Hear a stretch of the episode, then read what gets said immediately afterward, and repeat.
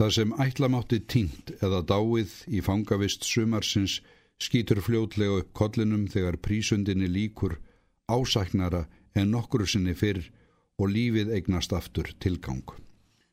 Honum hefur tekist að ávinna sér skáldfræð meðal skólafélaga sinna en sá frami á því sviði fullnægir ekki lengur.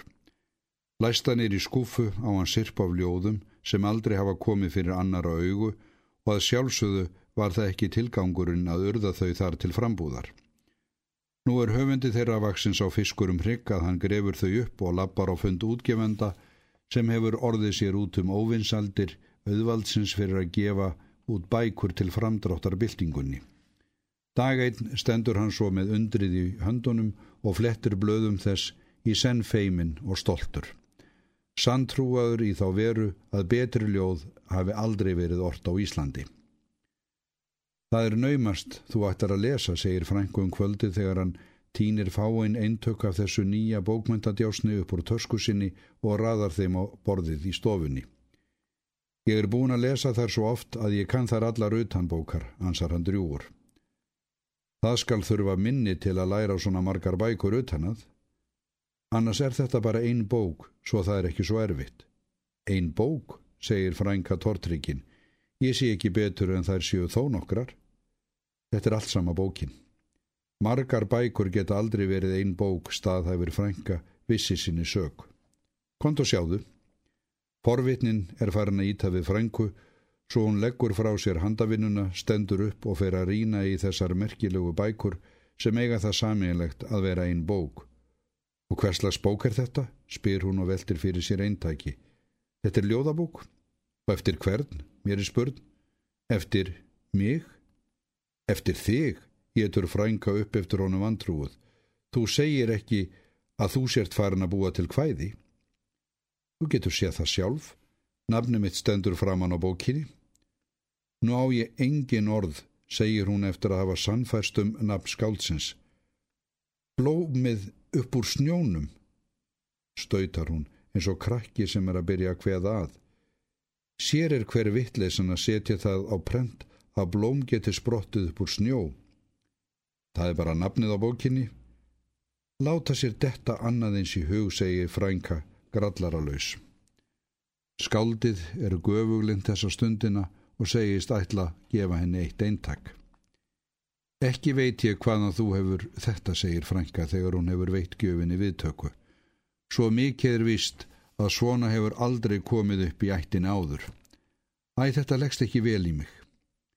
Þegar ég var að alast upp var maður í plássunum sem fegstu svona en hæfileika notað hann til að yrkja nýð og skensum fyrir fólkið var þó sjálfur mannleisa og láfið hrepp.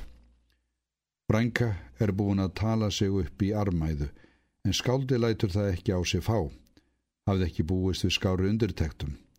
Vonandi les hún ekki bókina vandlega og kannski væri það fyrir bestu og hún legði hana frá sér ólesna og glemdi því hvar hún væri niður komin. En það kemur fljótlega á daginn að Frænka hefur lesið hana spjaldan á milli og það sem verður grunur hennar um að drengurinn hennar hafi hætt sér þarna út á háskalega braud, hafði ekki reynst ástæðulegs að hennar dómi.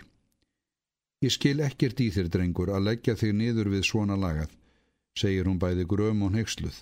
Hinga til hef ég verið sæmilega læs á hvæði, en ég verð að segja eins og er að ég botna korki uppni niður í þessum samsetningi. Þú er ekki lesuð þau nóga vel, Frænka.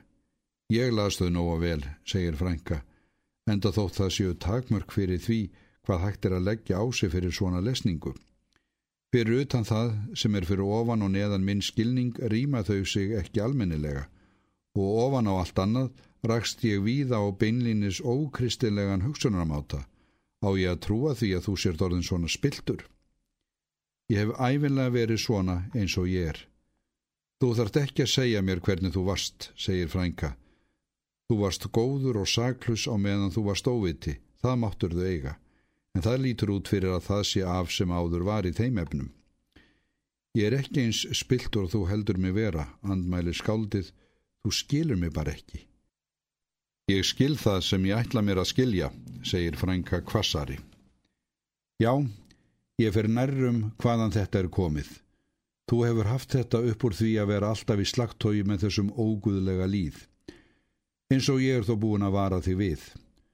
Það veit líka upp á hár að ekki hefði honum litist á blíkuna að lesa svona samsetning og var hann þó fyrir bókina. En ég verð víst að sætta mig við það sem orðið er, en það á ég við þig að þú valdir mér ekki meiri sorg en þú er þegar búin að gera. Við þessu á skáldið engin svör auk þess áhættu minnst að hætta sér ekki út á hála nýs. Ef til vil er þetta vel sloppið og best að kæra sig kollóttan.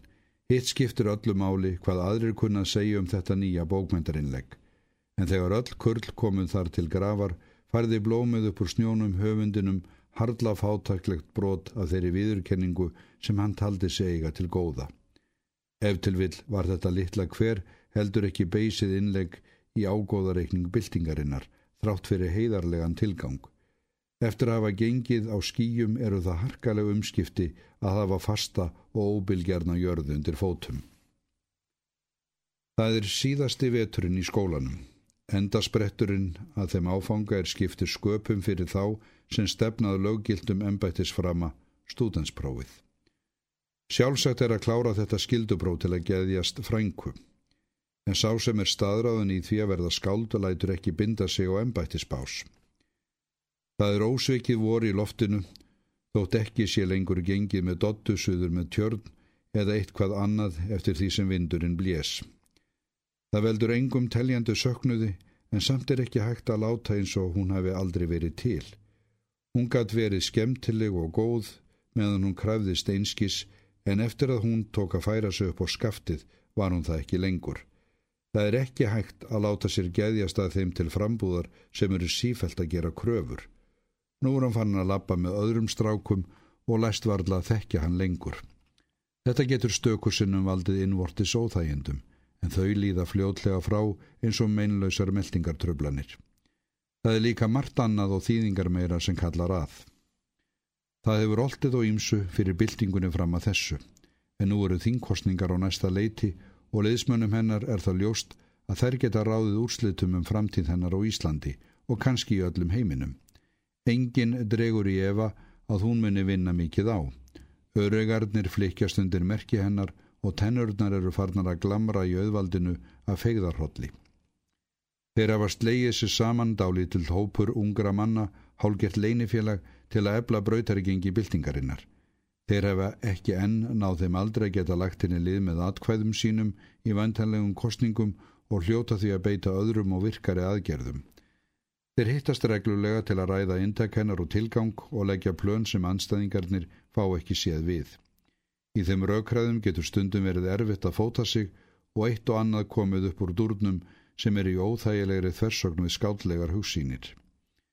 Þetta eru allir bestu strákarinn við beinið þótt er látið stundum vera hrjúir á yfirborðinu og enda þótt þeir einblíni helst til fast á þurrar fræðikenningar hugssjónarinnar líta þeir ekki niður á skáldið í hópnum því innblásið byltingarljóð getur líka verið brúklegt vopn í hendi. Það hittnar æmeira í kolonum og kostningarhodlurinn gerir ekki upp á milli flokka. Pólitískir oddvitar vegast á með orðum í blöðum og á alvöru þingum en óbreyttir liðsmenn beita skæruhernaði með frumstaðir í vopnum. Þegar mikið likur við helgar málstaðurinn meðalið hver sem í hlut á. Nótt eina laumast lítill hópur ungra manna með fram veggjum eftir sofandi götum. Einn heldur á límdólu, annar á kústi en afgangurinn af hópnum skiptir með sér öðrum plöggum.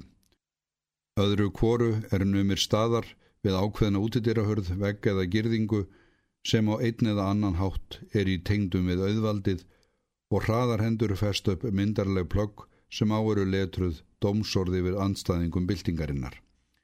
Þetta er æsilega spennandi leikur.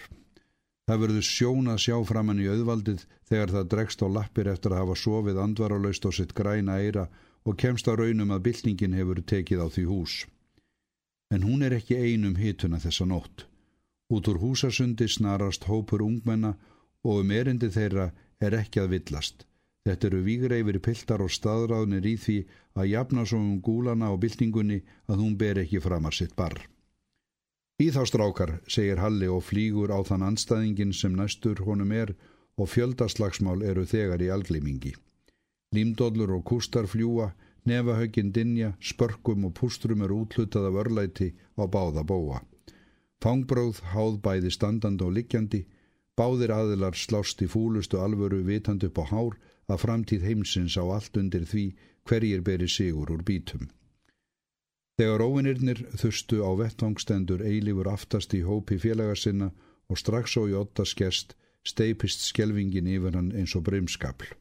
Óttinn grýpur fyrir kverkar hans svo honum likur við köpnun, fari glíu fyrir augun, nýstandi þraut í magan, honum eru megn að hugsa og fyrstu augnablíkin er hann svo lamaður að hann getur sig hvergi hrært.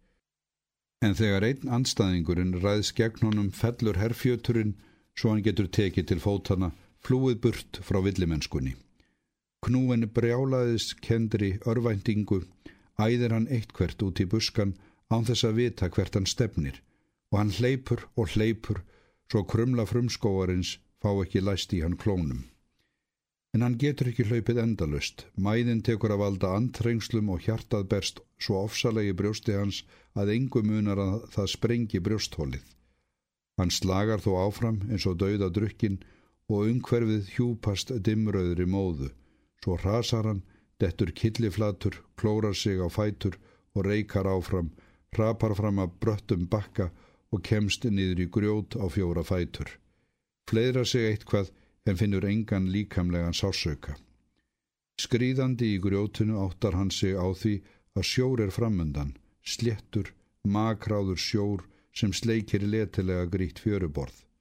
Hann stöylast á fætur en er svo máttlaus í njánum að hann lekur niður á stein.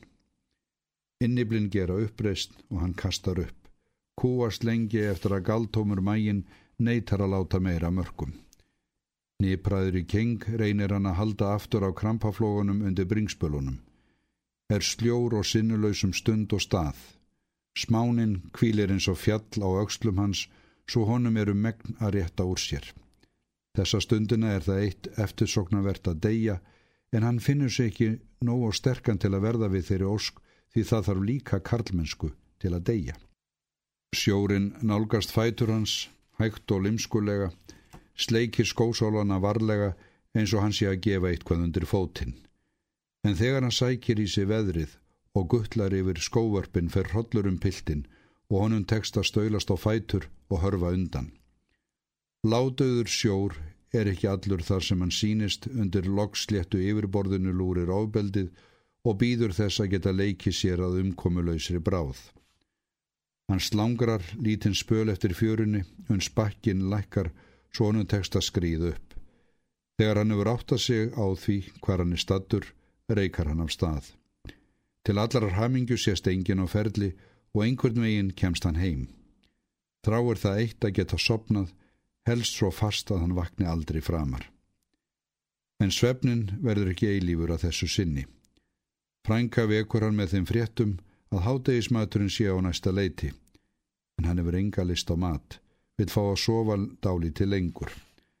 Frænka verður tortryggin því hann er ekki vanur því að sofa af sér sunnudagsmatinn og ekki bætur úr skák þegar hún rekur augun í fötinn hans og sér hvernig þau eru útlítandi.